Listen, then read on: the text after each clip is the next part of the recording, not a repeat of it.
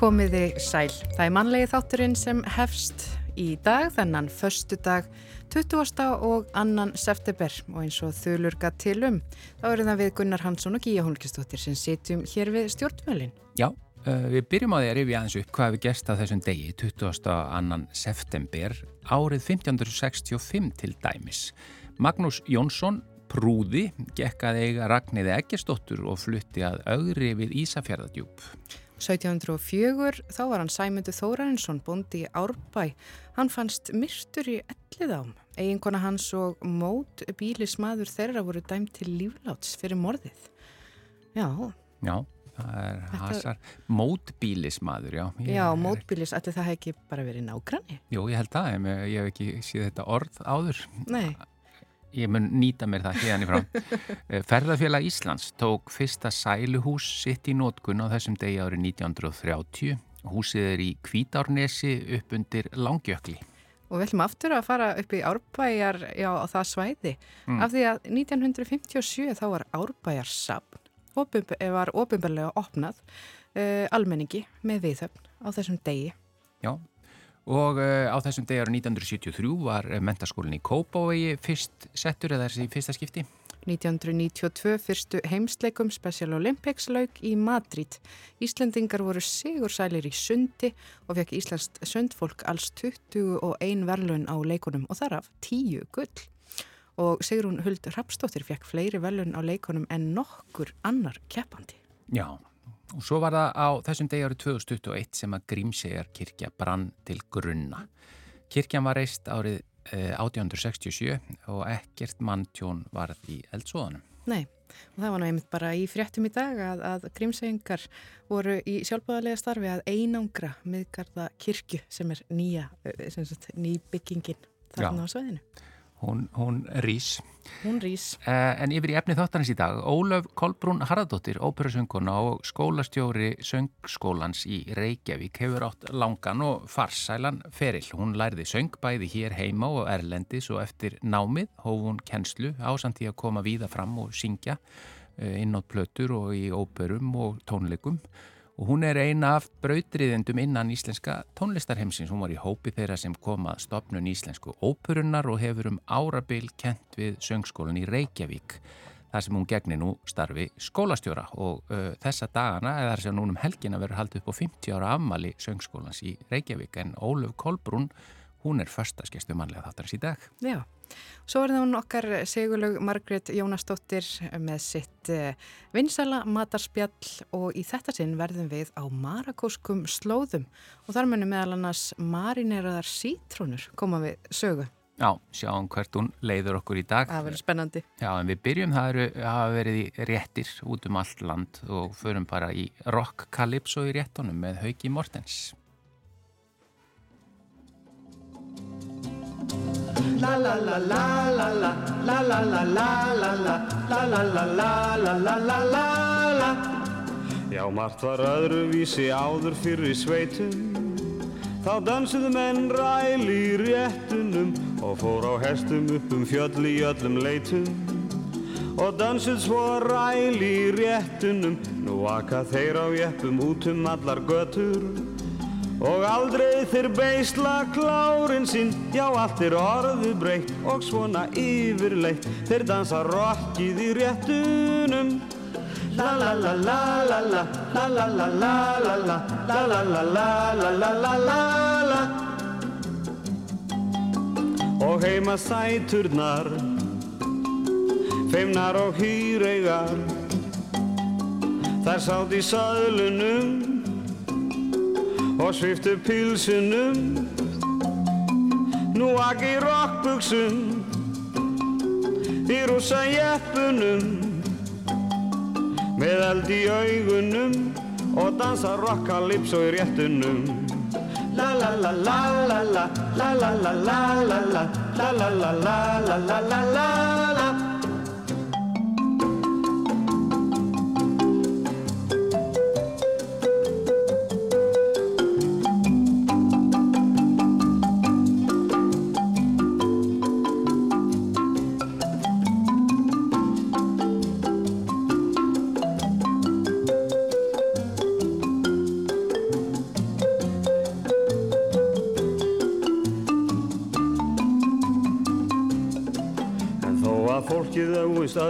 öðruvísin áður og dansir rockalypso í réttunum er ennþá sér hver maður megu sinni háður þó dansir rockalypso í réttunum þau verða hvort í öðru ennþá óskup skotinn og svo elskast þau eins og gerðist fyrr þó að sé orðið breytt já svona yfirleitt. Þau dansa rockið í réttunum La la la la la la La la la la la la Þau dansa rokkið í réttunum Já, það er dansað rokk calypso í réttunum. Þetta söng uh, Haugur Mortens. Þetta er ellend lag eftir Fischer og uh, íslenski tekstin eftir Jón Sigursson og það er ábyggilega að dansað eitthvað í réttunum, er það ekki? Jú, þetta er það ekki. Uh, spurning hvort að það sé rock calypso en, en möguleik hana. Já, já. Það, það verður ímiskonardans, myndi ég halda. En uh, það er komið að föstudagsgestinum í mannlega þættinum og í þetta sinn er það Ólöf Kolbrún Harðardóttir, óperusöngun og skólastjóri söngskólans í Reykjavík. Velkomin í mannlega þáttin. Takk fyrir. Hérna, við byrjum, við byrjum yfirleitt, sko, við förum á eftir. Mér langar að fræðast aðeins um söngskólan að hann á 50 ára afmæli um þessa myndir og verður haldið upp á það um helgina. En uh, byrjum á þér. Hva, hvar ert þú fætt og uppalinn? Hvar eru svona þínar æskuslóðir? Þær eru bara nákvæmlega hérna í Reykjavík, sko. Mm. Hvar þá í Reykjavík? Hérna í, í Austurbænum, í, í Langholtskverfi í rauninni, Já, alla tíð, á heima ennþá í Langholtskverfi. já, já, já, já. Að, og, og hérna faði minn er meiris að var fættur átti þá heimi í Langholti sem var bær í Laugadalnum. Sem að bara hverfið er skýrt eftir eða hvað? Já, í rauninni heit, heitir allt, er allt nefnt í, í, í Langholt, það er Langholtsvegur, það var þarna Langholts, eða náttúrulega Langholtskirkja og, og Langholtskverfið og, og hérna aðeins norðar er, er, var kallað Holti Langholt, náttúrulega þetta þar sem að tólfæðablokkirnar er á Holtinu. Já, Nei, það, já, þar er ég einlega uppalega. Fyrst þar í þýkverfi og síðan frá sjöra aldri á Langholts, við Langholtsvegin Já, já. og er þar ennþá. Já, og vilt ekkert fara þaðan. Langholt spærin, var það þá sveitabær þarna? Já, bara sem já, þarna bjó afi minn og amma, þau byggu hérna með, Mm. með, með kýr og, bara og eitthvað kindum og móin sem að kindurna voru reiknar, hann var bara það sem er núna verið að byggja þetta nýja vogakverfi inn í, þetta. Hefði nú alltaf heiti vogar þarna þetta. Já, en, en nýjasta hverfið þar sem verður að þetta var þetta bara, voru bara móar þar sem að pappi og hans bræður sátu í kindum. Já, já. Þar sem að, að sko síð, síðar verður langholtskverfið og, og hérna alltaf sagt í vógunum, Já, jú séðu kannist nú í það já, já.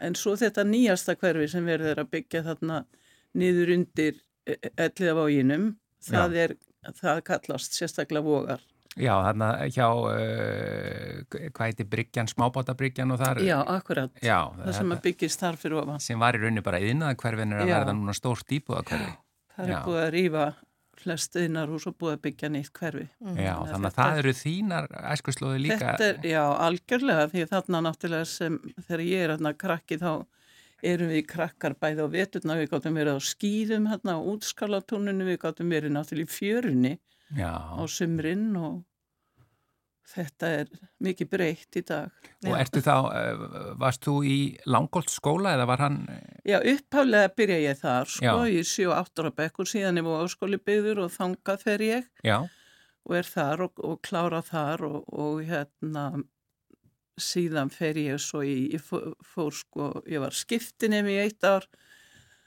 og þegar Hvar ég kem tilbaka, ég var í Oklahoma City. já, Þú hefði þá verið einn af svona fyrstu skiptinum honum, allir það ekki? Nei, Eða svona, það voru nú búin að vera skipt, það voru skiptinum að samtök bæði AFS og, Já, og hérna á vegum kirkjunar, Christian, ICYE, Christian Youth Exchange. Já, og hérna, nei, nei, það voru margir hópa búin að fara. Já, já. Þetta var svona ástvöl í Ameríku með fjölskyldu og akkurat. Hver- hvernig var svo dvöl, hvernig var það, hún var engu lík, sko, hún var æðisleg. já, og Ég var Oklahoma, í Oklahoma City, sko, Já. og það mjög mikið, sko, mjög mikil hérna suður ríkja, mikil suðuríkja framburður Já, sem að ég þurfti algjörlega að slípa þegar ég kom tilbaka því ég settist á í kennaraskólan já, og þar var kend ensk, enska til dæmis já, já, já. og það var nú aldrei sussað á okkur en við vorum með amerískan frambur því það stóð ekki til að kenna íslenskum börnum amerískan frambur og ensku Það þótt ekki samkvæmt kennaraskólanum Já, já, já. En aðeins ef við förum aftur tilbaka bara þegar þú varst krakki og alast upp, nú fórstu svona söngleðina í lífinu, varstu sísingjandi, hefur tónlistin svona engjant Já, ég held að sko, þetta kemur nú bara af heimilinu. Mamma söng og spilaði gítar og söng mikið og var í kórum og, og, og hérna þannig að og, og hérna var hlusta mikið á bara sem bann þá man ég að pappi rak okkur að að Kali Kusi var að syngja eða eitthvað álíka og sagði okkur að hlusta á hvernig þetta væri gert og og hérna ég, þetta kemur bara þaðan og svona til að bara sækja maður í það fyrir að spila, ég fór að spila gítar og Mhm. syngja og, og vera með hópum í skólanum á jólabölum, bara eins og þetta gerist í barnaskóla sko, já, eðlilegt. Og svo var maður náttúrulega í, auðvitað í, í hérna tónlistakennslu þá já. var alltaf eitt tími eins og flesti gengunni í gegnum hérna á árum áður, ég held að því sé nú einlega lokið í grunnskóla í dag. Já, ertu það að tala um tónment, svona þessa, Já. þessum allir bekkurinn fer, já.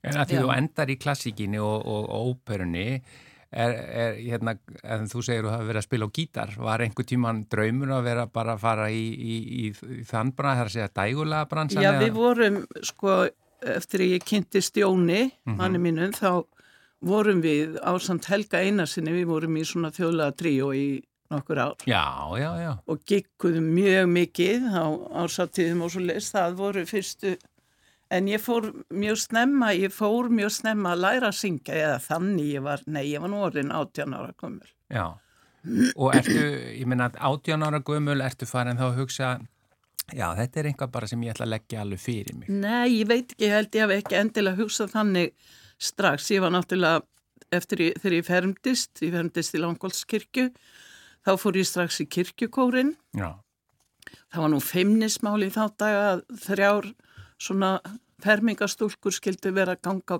á kóraðingar á kveldin í kirkjuna. þótti það ekki flott eða? Nei, þetta átti bara að vera fyrir fullari fólk, sko, eða þannig, nei, þetta var, það var sótt í okkur að, að við kæmum í kórin. Já, En þetta var, þetta var ekki algengt að, að unga fólki væri í kirkjukór. Já, En ég var ekki nema 14 ára og við vorum eina þrjá ár sem fórum og þannig byrjar þetta einlega sko. Og Svo fer maður, syngum maður þar og smátt og smátt þá bara eikst þetta svona, þið viti, þetta verður bara svona svolítið eins og snjóbolti en aldrei neinn ákvörðin tekinum ég ætla að verða eitthvað sko. mm Svo Hvenær bara- kom svo, svo ákvörðin? Hvenær allt í einu bara, jæja, þetta er mín leið? Já, ég held að sko ég byrja nú á því að fyrir að syngja svolítið einsöng með kórnum Já, eftir að Jón kemur, hann kemur nú þarna mjög snemma í kirkjuna sko, hann er nú ekki nema 17 ára og hann var sko þreymur á meldri en ég.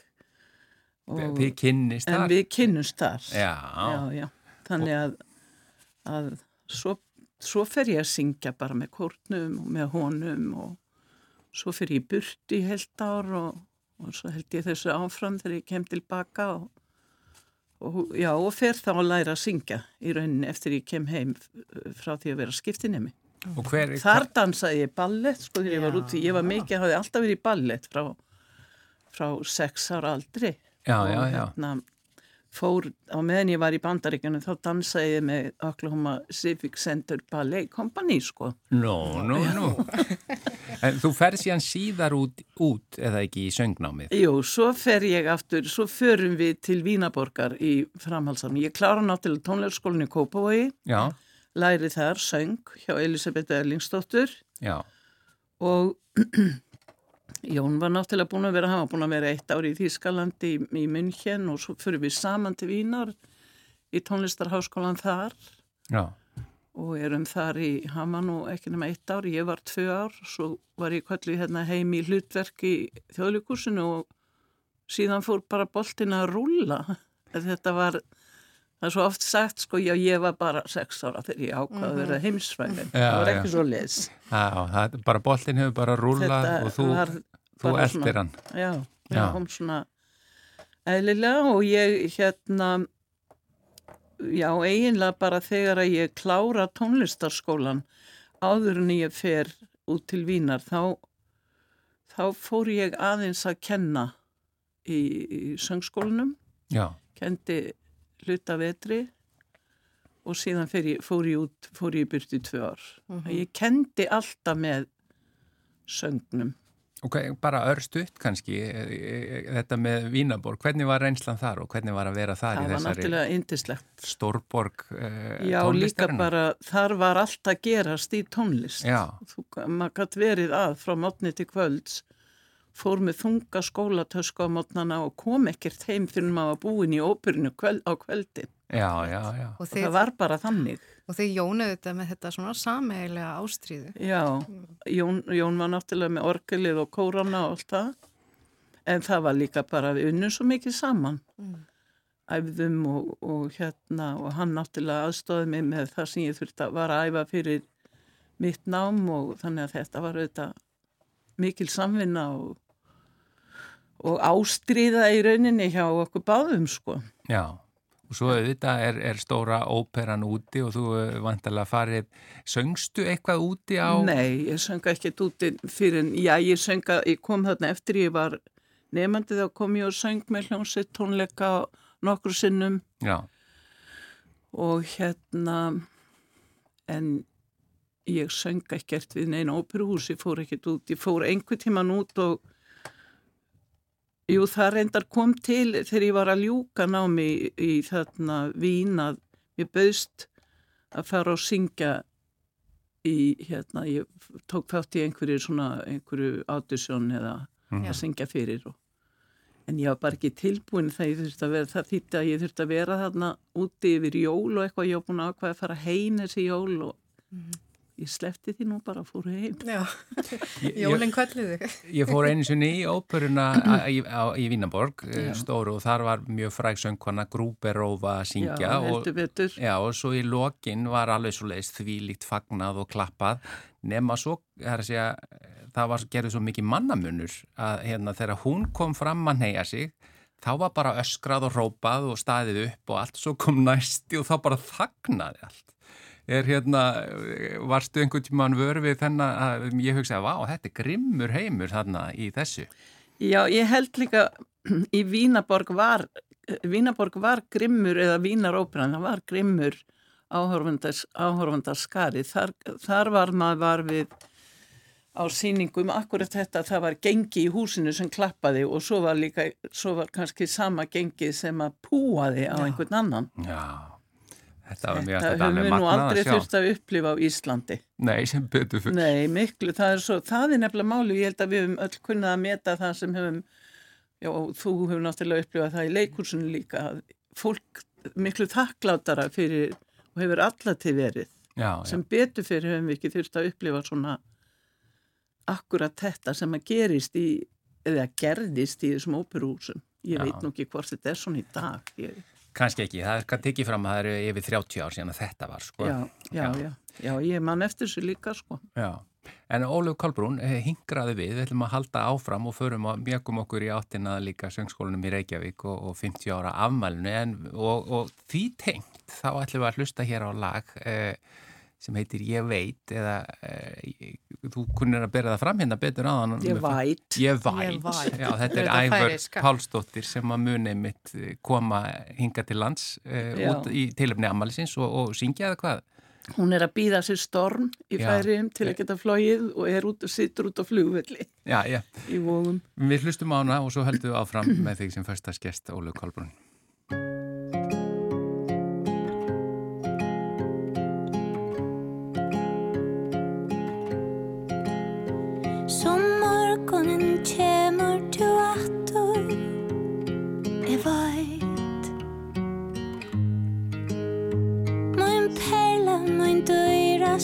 datter Jeg veit Som blommorna skulle vitt spretta Og i rosande vitløse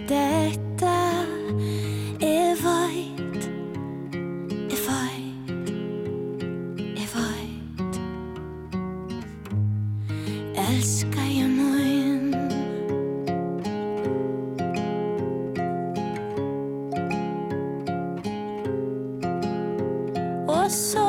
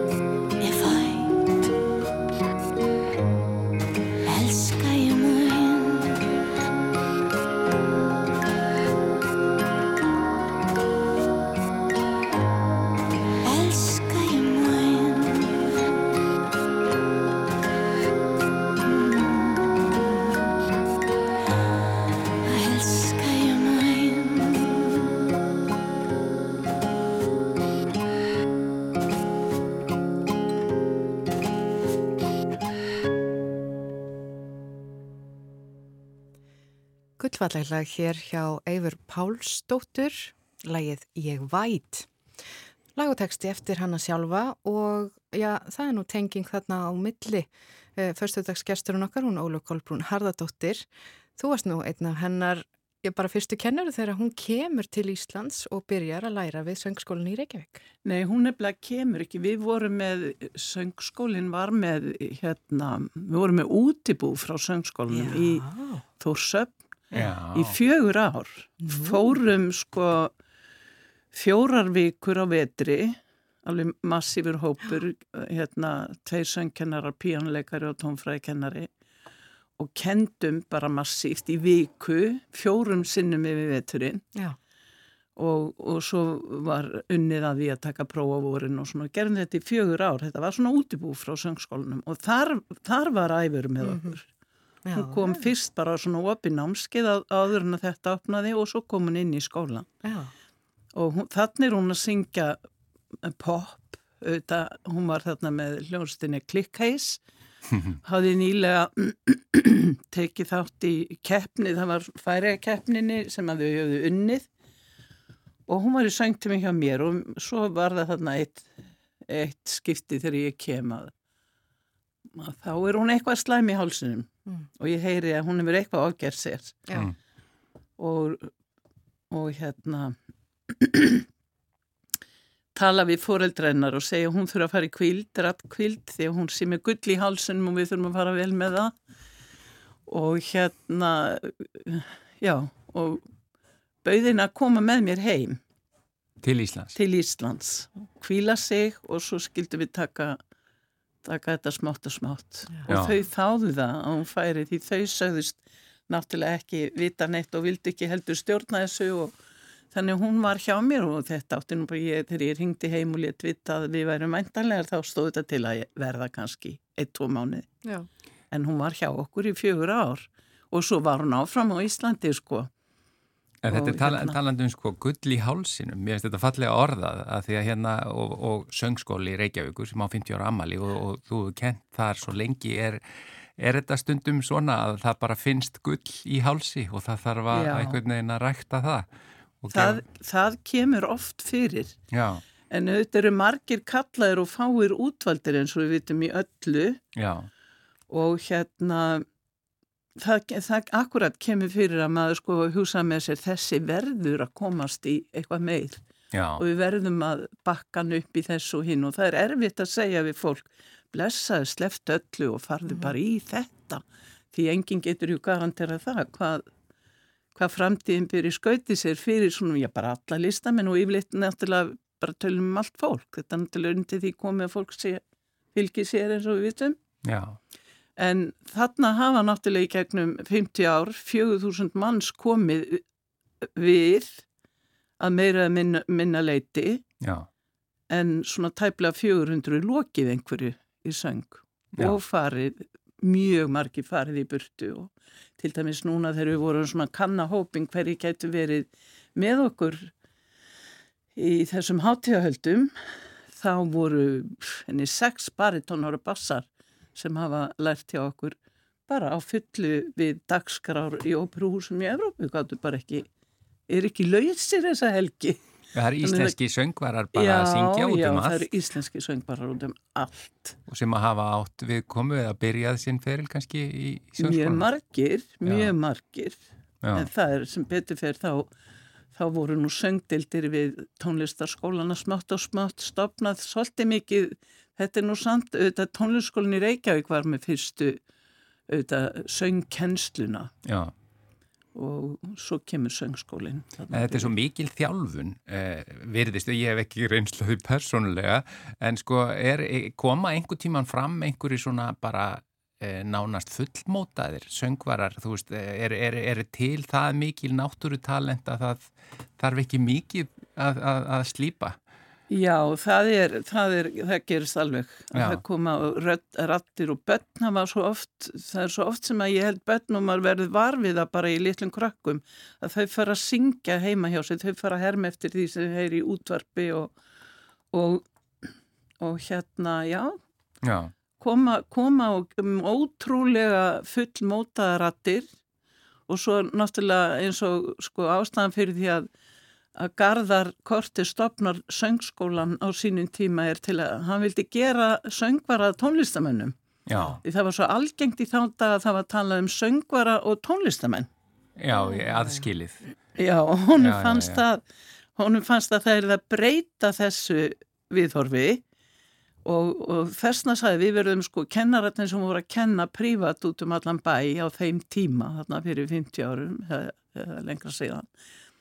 Þeir voru náttúrulega hver í sínu hotni og ekki með neitt annað en bara söng þjálfun sem hefur eflust verið mjög góð og allt það Mhm. en að smala, hann smalar þessu fólki saman og stopnar skólan til þess að geta kent öll kjarnafögin með og láti fólk taka þetta eh, hérna bara eins og, eins og þú ferð og lærir á fylgu eða piano. Já, Já, þannig að það er að verða svona meiri fagvitund, fagstjætt að verða til og svo tekur þú nú sjálf líka þátt í svona brautriðenda starfi líka þegar Íslenska óperan og þið er garðar. stofnun og þið Já, það garðar er saman. náttúrulega garðar. Hann Já. er náttúrulega eldtýn í hvoru tvekja, fyrst í skólanum og sjá svo, svo kemur þarna mikið af fólki í skólan og það stækkar hópurinn og það verður mikið söngfólk og hann hugsa með sér, það verður að gera eitthvað við þetta fólk. Mhm. Það verður að stofna óperu. Já, Og hann, sko, áður, en hann, áður en hún er stopnuð þá er hann búin að fara og gera tilhund til að, að, að bjóða í gamla bíó. Bara hann prívat, sér og prívat. sko. Að kaupa það? Já. Já, og hérna, en sensat út úr því kemur það náttúrulega að óperan er stopnuð já, og, og hérna þannig að búa þarna eins og ég segi það var svo margi gengið þarna í gegn já, um skólan sko og, og, og það er ímislega sem hefur komið út úr þessu og við horfum náttúrulega á eh, bara í dag stóran, sterkan hóp. En eins og ég sagði hann þannig líka fleiri sem hafa verið að alla upp. Og náttúrulega tónlistskólanir yfirleitt, það er það sem skilar þessu glæsilega tónlistarliði í landinu í dag.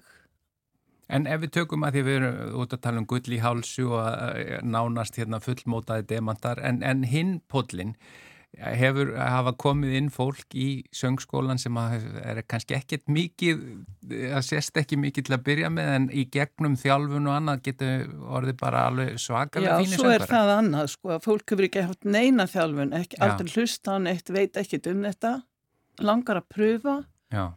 og við náttúrulega byrja, söngkennari byrjar á því að, að veiða efnið, finna efnið, heyra, maður lætur fólk taka já, maður bara leitar að röttinni og, mm. og næra efninu út og, og, og stundum ertu komið bara fylgta efni og hugsa, já, þetta þarf svo að fara að slípa.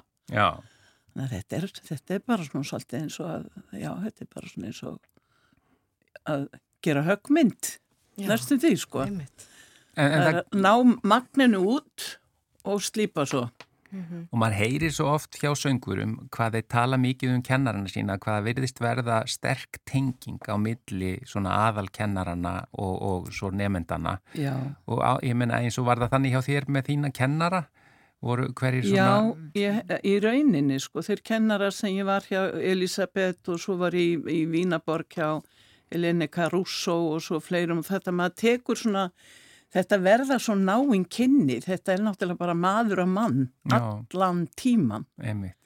Þannig að þetta fer, sko, þetta gengur utan nærri, stundum gengur utan nærri nefndanum og kennaranum og hvort tvekja og, og hérna, þannig að þetta verða rosalega sterk tengsl og það er voðalega gaman allavega eftir minn tíma, allan þann tíma sem ég hef verið að kenna, ég hef ekki búin að vera alveg í 50 ára en mjög nálat því og að hérna það er gaman að eiga þessi afkvæmi út um allt Já. og hitta þau og, og maður tekur þeim fagnandi oftast takaðu manni nú fagnandi. Já, já. og hérna þannig að þetta er alveg rosalega mikill fjárstjóður sem að maður á í nefndahófnum sínum. Og svona fyrir þig sem kennara að horfa svona yfir þennan viða völl og sjá nefnduna kannski blómstra, það, það hlýtur að vera... Það er yndislegt, til þess að kalla þetta fólk núna saman til þess að flytja eitthvað á hátíðin okkar, það er alveg stórkoslegt. Hvað þetta er orðið flott, mm. glæsilegir söngvarar.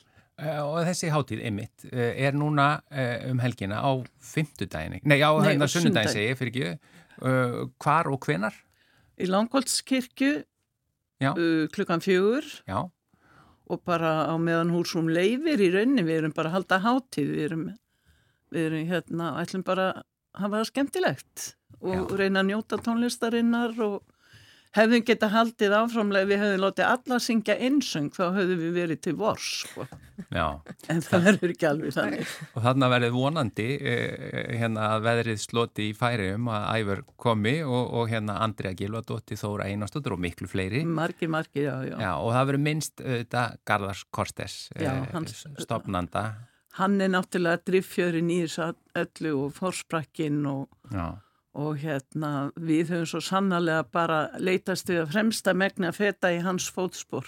Já, hann að við bara núna líka til þess að minnast hans og í tilefni af amalinu og að þú sért förstaskestur hjá okkur, þá ætlum við að heyra einmitt hann syngja með langkóltskórnum eh, hér. Lægið Íslands lag, eh, heyrið vella í heiðum, heiðum heiðum hveri. Viltu eitthvað segja meira um það?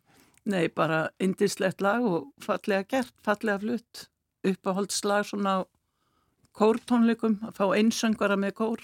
Já, þakka reynilega fyrir að vera förstaskeistu manlega þátturins í þetta sinn Ólu Kolbrún Haradóttir.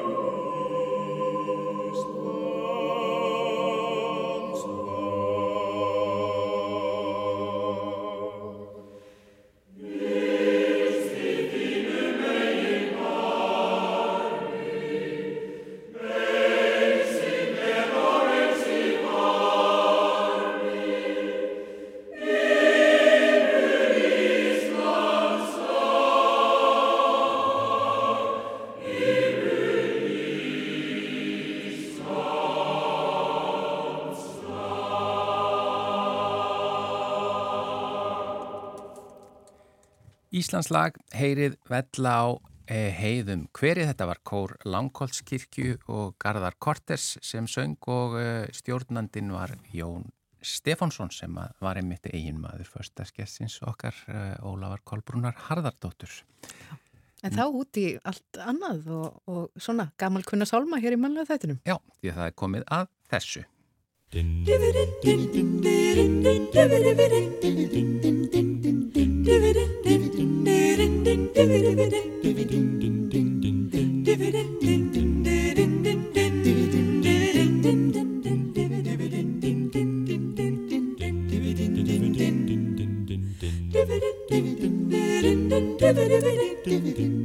Já, já, já, þetta er auðvitað uh, velþekkt stef á, á þessu landi hér, Ísalandi, það sem hún er komið til að vera ekki formlegur hérna í upphafi matarspjalls.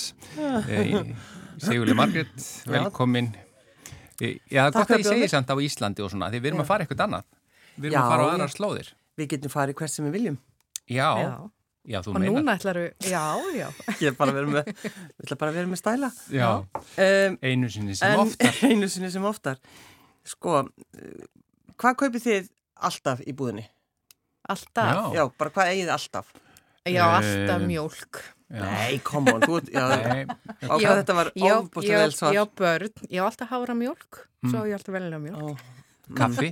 Kaffi. En kaupið nú ekki alltaf kaffi. En svona, þú veist við segja kvítlögg og olju og já, já. já, ég hef alltaf tómata já, mm. paprikur eitthvað svona, já, laukur það, laukur er alveg En hafði ekki lendi, ég ætla, ég, sko á tímabili fannst mér rosa góð eitthvað svona rökkbröð, einhver sérstök tegund.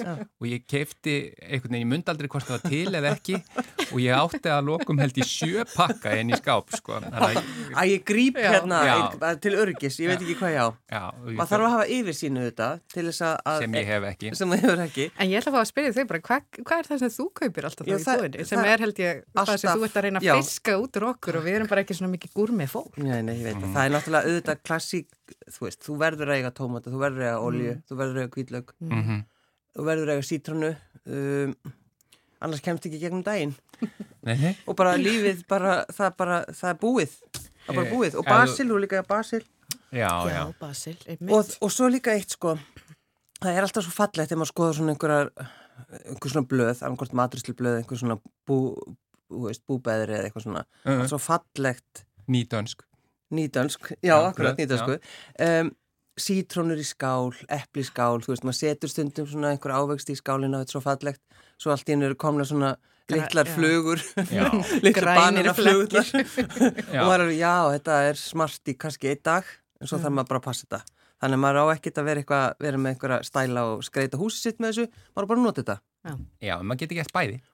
Reyndar. Ef, haft... ef vel hefnast, þá ger, gerir maður bæði. Til dæmis um helgar, þá er það gaman einmitt að maður gerir vel við sér í mat og drikka, þá er einmitt, getur maður haft þetta svona fallit í kringu sig, og ávegst í skál og emitt sítrónur. Mm. Já, þú ert að komast að Ég er að komast að, einhverju- ég er bara að komast að sítrónum sem er bara best í heimi og þá er við, auðvitað gæti ég bara að halda áfram að tala um limoncelloið sem að ég hef gefið uppskrift af því sem er náttúrulega bara stórkoslegt. Þú hefur talið meiri sér, talað um sítrónu uh, pasta eða Jú, eitthvað? jú, Já, sítrónupasta já, sem og- er sjúklega gott S- Já, og kjúklingur með, með sítrónum og bara sítrónur gera bara einhvern veginn allt betra og Sítrónu fiskur. smjör. Sítrónu smjör, þú veist, þetta bara það bara er eitthvað sem gerist og svo náttúrulega þessi drópar bara, svo hreinsaðir allt og taka hendur, maður getur þegið hendurnar úr þessu. Já, ymmit. Er Sítrónur alltaf- eru fjölhæfar. Það eru mjög fjölhæfar. En eins og þú myndist á, það er geta glemst hjá manni og orðið morgnar og allt í hennu bara, ó, ég kefti hérna fimm sítrónur. Já, akkurat. Og Þá verður maður að flýta sér, já, þá verður maður að flýta sér að nota þær og þá til dæmis sko, það er eitthvað svo ótrúlegt við uh, matinn frá Marokko sem ég segja, já, hann er ekkit svona voðalega, þú veist, hann er hann er bara alls ekki nógu bræðsterkur þú veist, það er kannski ilmurinn meira heldur en, þú veist, eins og Indland en sko, þeir nota saltaðar sítrónur í matagerð Já. og það bara breytir öllu Saltaðar sítrónur, nú verður að segja eitthvað meir. það eru sko langa, það eru bara svona niðursóðna bara Já, eins og, svona í pækli. já, eins og konfí bara, þetta er bara Eins og konfí. það er bara, það eru settar í sko, þú, þú getur keft þetta bara hér, Já. alls konar búðum Já. um, en það er alveg ótrúlega auðvelt að, að búa þetta til. Og það sem að þarf, þú þarft að hafa uh, Krukku. krukku sem þú sótt reynsa vel, snýst allt um það þetta Já. uh, þú þarft að hafa 6-8 sítrónur og kaupa helst lífrandræktaðar og þá, þær eru yfirleitt með svona þunnum berk, ber, Berki. Búr, búrki. burki, já, akkurat. Um, það, er, það er best þannig sko. Og svo Mhm. ertu með hérna salt, gróft salt og svo þú vilt hafa að setja smá piparkotn í Já. og það sem að gerir að, að þú skerð svona í þær og svo setur þau ekki alveg í gegn, það má alls, alls ekki Bara gera það, grunnt. svona rákir, svona einhverja rákir í þetta Það fyrir ekki gegnum sem Nei, sagt. nei, það má, ekki, það má alls ekki gera það, það bara uh, samt skera, ok, djúpa skurði, Já, en ekki, ekki, ekki gegn. inn í kjöt. Nei, jú, fyrir aðeins inn í. aðeins bara ekki kjöt. þannig að, að þú fari inn í kjarnan Nei, þannig já, að já. Alls ekki, við förum ekki inn í kjarnan Nei. hér. Algjörlega, við algjörlega. förum borðinu. aldrei í kjarnan í þessum aldrei. í mataspjöldinu. Þannig að ef við tökum þessa bara 6-8 sítrónur, Mm uh, skera, djúpa skurði, Mm. þar setiði gróft salt inn í skurðina, -hmm. setið sítrónunar ofan í dósina og svo er þið með sítrónusafa og sítrónusafin þarf að, þú veist, ná yfir. Ekki sítrónur sefa úr Nei, nei, sítrónunar eru alveg heilar. Já, Já, já, já. Og svo verðið bara að hafa sítrónusafa. já, sem það er, bara í er það vögvin Já, það er bara vökun, í það er bara þessum- salt og sítrónu. Já, ég held að þetta væri vatn. Nei, Nei, nei. nei, nei, nei, nei. Já, já, ekki já. Þetta er bara, það er sjáasalt, það eru sítrónur og svo safi úr einhverjum x mörgum sítrónu. Þetta Já. er bara, þú veist, maður bara finnur út úr því, sko. Já. Svo uh, lokar þessu vel Mhm. og horfir á þetta og þetta er alveg svakalega fallegt í búrinu hjá þér sem er kalt og dimmt. Já, Og svo getur þau oft bara opnað búrið og séð hvað eru ofbúslega fallegar. Þetta er stórkostlegt. já, Uh, svo getur þau tekið á stundum og svona, þú veist, Velta velta þeim. þeim aðeins, já, til að leifa Og- þeim aðeins að baða sig í. baða sig í þessu og þær geymast svo lengi. En hvað þurfa þær að vera lengi? lengi til áður en að... Sex, ég myndi segja svona, mm, hverju á ég ljúa? Se, sex vikur, Já, Já. fjóra vikur. á áður en að þú hefur neyslu. sem Já, sagt. já, akkurat. Og svo, svo skemmtilegt, sko, ég var með uppskrift Mhm.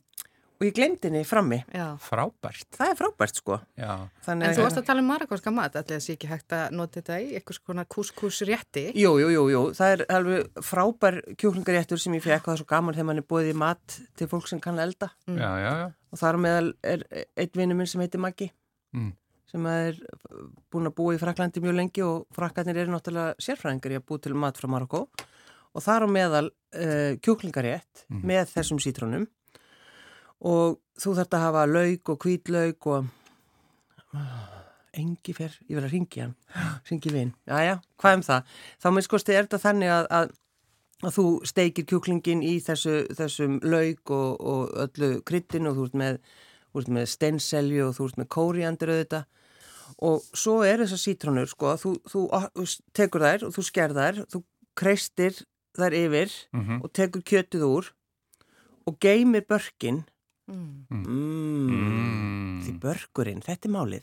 Þú borðar alla sítrónuna. Eftir þetta, Þú ert eftir þetta er búið að vera í pæklinu Já, þú ert ekki, þú hendir engu, þannig að þetta er sko að nýta mat, það er bara, og því að svo skerðu það, Mm. semst börkin, Það eru náttúrulega mjúkar Já, svolítið mm, og, og já, vitið já, það, þegar þetta, þetta kemur og blandast eh, kjúklingnum Mhm. og það er þessi sítrónu ilmur og svo býtur maður í þennan börk, já. þú trillist. En þú ert ekki að þá, sko, börkurinn, eldir, eldarðu hann á einhvern hátt með eða er hann bara... Nei, hann fyrir honni, jú, og svo Já, bara hann- já, síður ok, hann, sko, já, hann bara, þú veist, Já, já, já, já. þetta er bara þannig, það er, Mhm. þetta er sko, þetta er alveg, Þetta hljómar virkilega vel. þetta Já. hljómar mjög, Og það er mjög náttúrulega, vel. og, og sko marakosku matur er bara, að því í þessu tilfelli þetta tala um það, það Já. er bara, hann er alveg stórkostlega góður, hérna í hvað heitir það, tachi, Já, já, já, það er, hægt hérna, að, það er mjög skemmtilegt að eldi því, já, hann er leir, já, leirpottin fallega, Já. sko. Uh, svo er hægt að hafa, sumir, sumir vilja kúskús með þessu, sumir hata kúskús, þá er hægt að gera hafa bara eitthvað annað, mm, svo er hægt að hafa þund brauð, þess að baka, henda, búið til bara úr liftutufti eða búið til svona næstu eins og nannbrauð, já, bara svona kveitibrauð Já. og þetta er, það er svo gaman að bjóða upp á svona og, og, og sérstaklega maður hefur marinera sínar eigin sítrónur. Það er mjög grann Maður er rosalega það. lekkar, Mm. maður er rosalega lekkar. Ég með eina svona sítrónu spurningu, Mm. uh, nú kaupi ég stundum sítrónur, ekki greinilega jafn oft og þú, þegar þú kaupir það bara uh, alltaf, Já. greinilega, en ég kaupi það stundum þegar ég þarf að nota börkin, þú veist, Já, það, það er eitthvað í uppskriftinni hérna, börkur af einni sítrónu sem að er, já, Já. svo lendi ég vandraði með hvað ég á að gera við restina.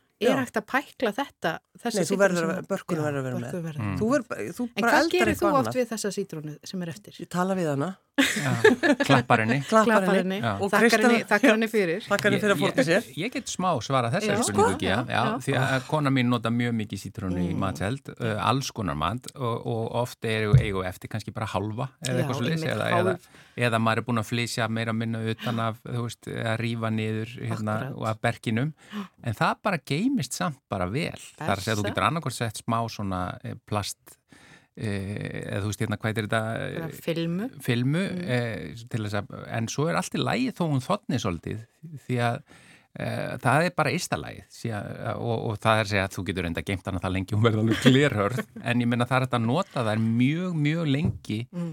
þú veist, hún, og það er ekkit að Mm. skemmast neitt mikið Ég sko er búin að finna þessa uppskrift sem er uh, úr franskri bók og uh, þetta er bara svona marakoskur kjúklingur með sítrónu. Og það er ég ekki að fara að segja nákvæmlega hvernig það er en það er þessi steinselja og það er kórianderi svo er engi fyrir duft og túrmerikið sem gefur náttúrulega þennan frábæra þennan lit. Og, svo, og laukurinn og svo þessar sölduðu sítrónur. Og þetta er og ólífur. Já, það er mitt, ólífur, það er verða nú að Þetta vera í marakosku bara- Þetta maður- er reyndislega blanda svo og er oft aprikósur notaðar í svona sveskjur og alls konar Já, sem já. er alveg sjúklega gott með. Svo getur líka bara búið til límonaði verið eins og bara í það er ekki, ennit blætan bókunum? Jú, það voru Og alltaf límunaði, við erum að selja mikið af límunaði og það er sko lím, límonaði er, er orðið svo vinsalt að það kaupir svo mikið af alls konar flottu límonaði hér. Mm. og bara ef maður er til dæmis í París og fer á barina þar Mm. það er alltaf einhverjar svona nýjar tegundir af alveg geggjum svona, svona límonaði límonaði með, með klökum tilviljun að þú nefni París. Veit það, þið ætlum ekki frá að fara að senda mig þangað aftur, ég þarf að fara að halda fram að í vettvangsverði við erum að safna fyrir því. Já, Já, en Sigurlega Margrét uh Mhm. þakka þér innlega fyrir þetta sítrónu marakóska spjall, það var lítið, það var bara mjög lítið. Og og nú fara þú- allir að marinera sítrónunar já, já, Mm. og, og þú uh, það er í þínum höndum að Mhm. hvaðja hlustenduna fyrir helgina, gjör þið svo vel. Kæru hlustendur, góðar stundir